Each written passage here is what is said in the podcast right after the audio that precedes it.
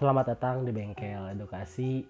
Eh, ketemu lagi, eh bukan ketemu lagi ya mungkin. Selamat mendengarkan kembali bincang sehat nih di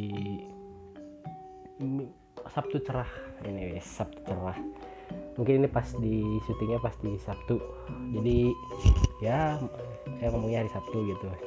Berhubung hari Sabtu biasanya berhubungan dengan yang namanya malam minggu nih. Oke malam minggu ini kan biasanya identik dengan pacaran dengan apa pun. Nah saya di sini pengen ngebahas setelah pacaran itu adalah nikah gitu. Di nikah itu mungkin ada hal-hal khusus yang mungkin saya mau ngebahas di sini gitu. Nah terutama lihat setelah nikah tapi untuk di daerah saya banyak banget yang cerai. Nah, di angka perceraian itu yang membuat saya terkejut cukup mengejutkan untuk angkanya karena di apa di website resmi dan berita resmi gitu di contohnya kayak detik.com janda di Kabupaten Bandung oh yes Kabupaten Bandung habis untuk bulan Juni itu 1355 1355 jadi kalau kurang lebih mungkin ada janda dan duda 1355 oke. Saya tidak mempermasalahkan tentang hak mereka gitu. Cuman saya menggaris bawahi tentang anaknya gitu. Karena gini jujur saya pun pribadi nih sebagai yang jadi yang ngomongin sini itu adalah korban juga di, di dalam broken home itu.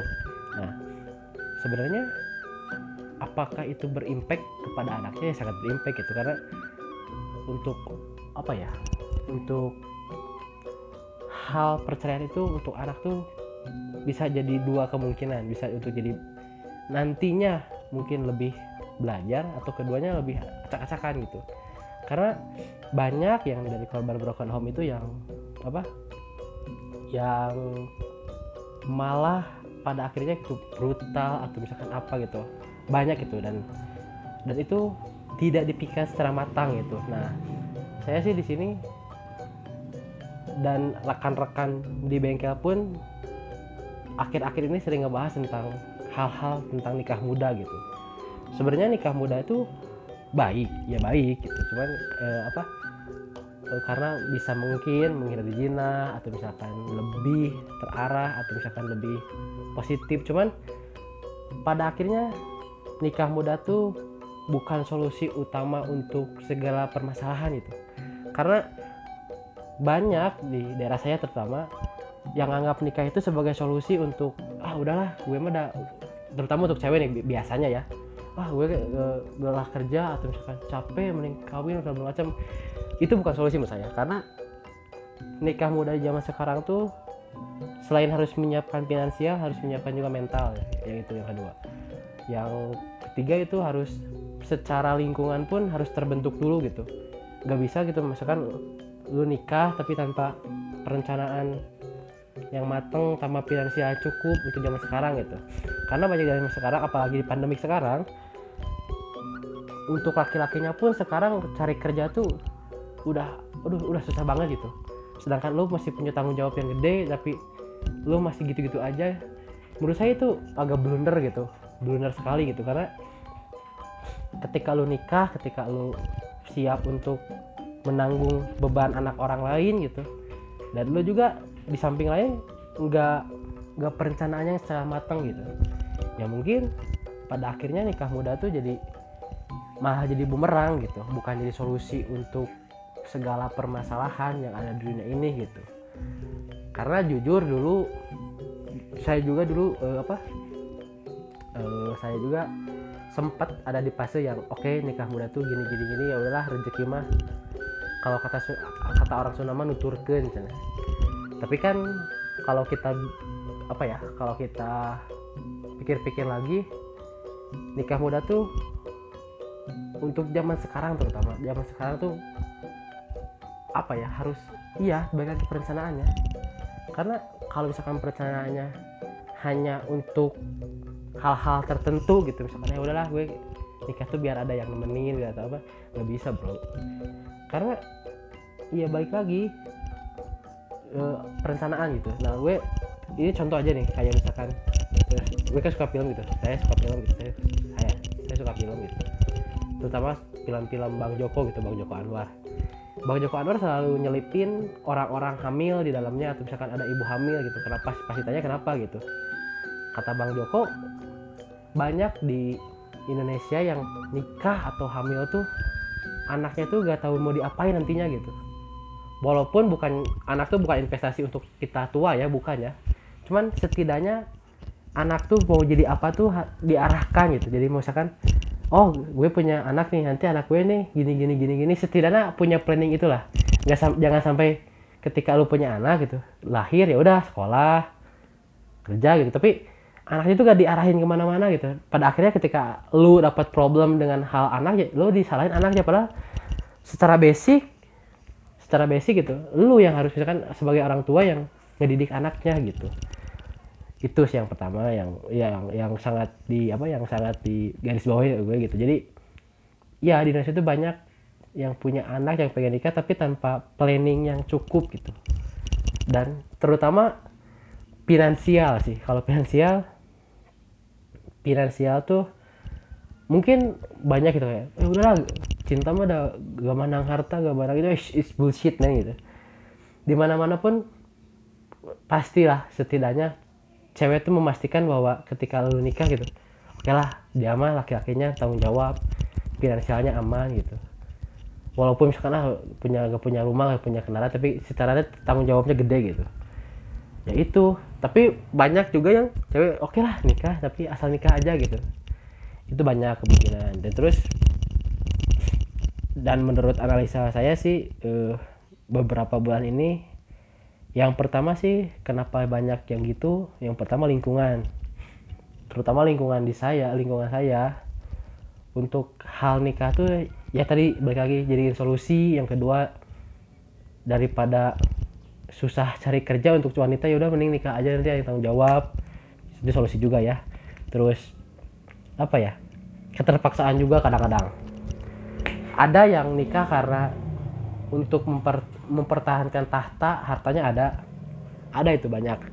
Salah satunya kalau saya sebutnya itu. Besi mah pasti ketemu besi lagi ke mungkin kayu. Itu yang paling utama. Terus eh apa lagi ya? Hmm, dan oh ya satu lagi nih satu lagi eh, apa? Faktanya gitu di website resminya ini di gue baca tadi di detik.com sih rata-rata tuh sehari itu ada 5 kas 50 kasus perceraian gitu. Dan itu wow gitu maksudnya itu rata-rata eh, apa rata-rata paling kecil tuh 50 perceraian tuh. Biasanya hampir 75 85 gitu.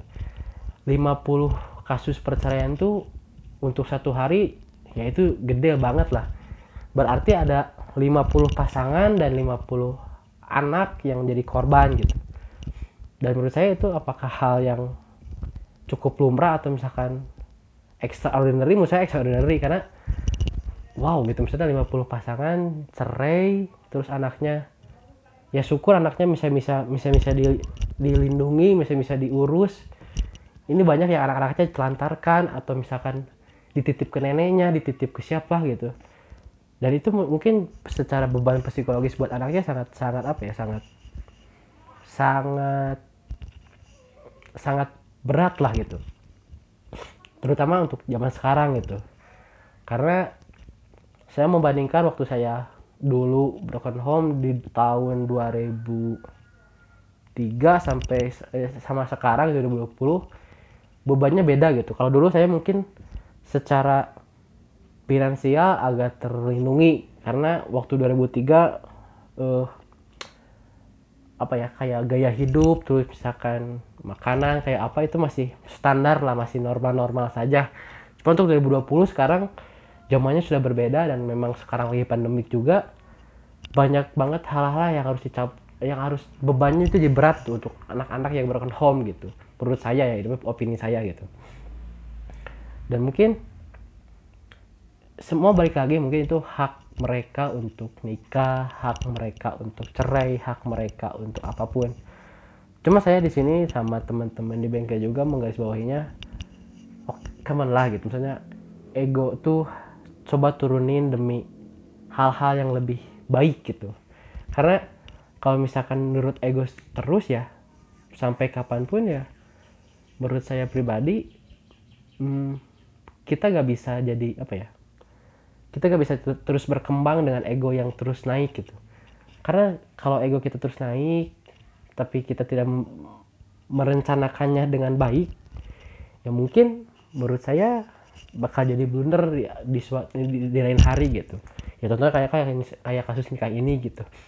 Dan rata-rata yang cerai di ya di, di daerah saya tuh di bawah umur 30 tahun berarti masih usia produktif lah gitu masih usia untuk berkembang gitu masih usia untuk bisa secara logikanya bisa apa ya bisa terus bertumbuh mas ya. Dan di usia segitu kebanyakan kita dipakai untuk itu nikah atau tapi jujur saya tidak menentang untuk nikah muda ya tidak. Saya malah saya mendukung nikah mudanya. Cuman nikah muda yang kayak gimana dulu yang saya dukung gitu.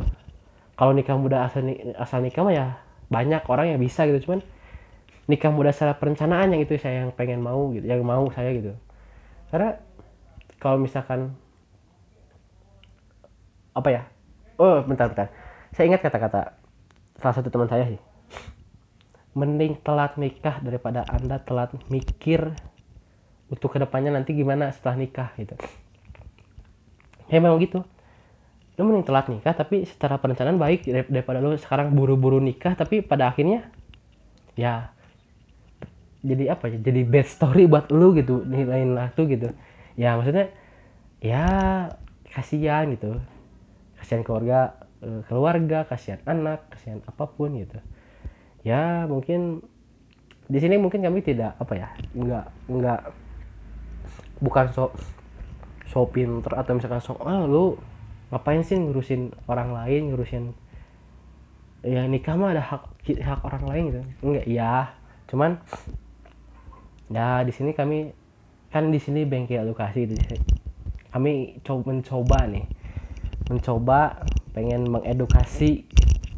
Nih nikah tuh yang sebenarnya gini nih yang ini ini nih. Walaupun kita pun di sini belum pada nikah ya cuman setidaknya eh, kita ngomong berdasarkan fakta berdasarkan kejadian yang nyata kejadian yang cukup empiris datanya gitu.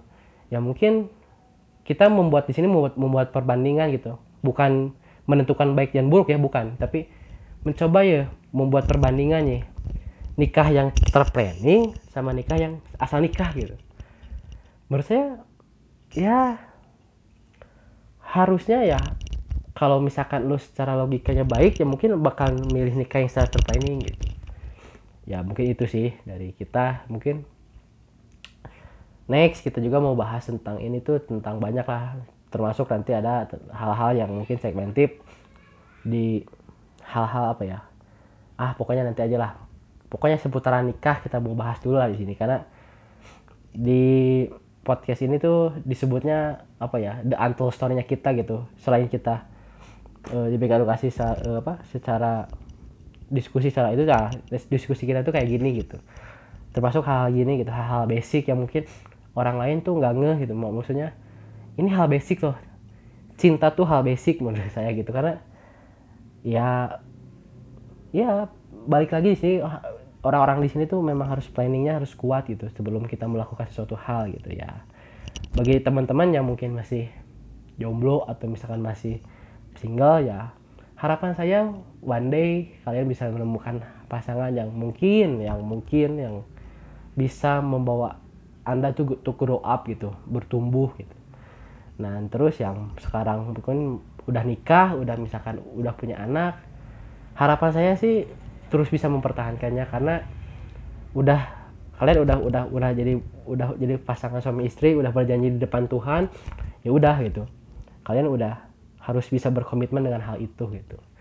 Ya bagi untuk semuanya saya harap sih bisa bisa memahami uh, argumen saya dan uh, pendapat uh, pendapat teman-teman saya di sini gitu. Ya mungkin ya sekian dari saya dan terima kasih sudah mau mendengarkan. Selamat berjumpa kembali nanti. Dadah. Assalamualaikum warahmatullahi wabarakatuh.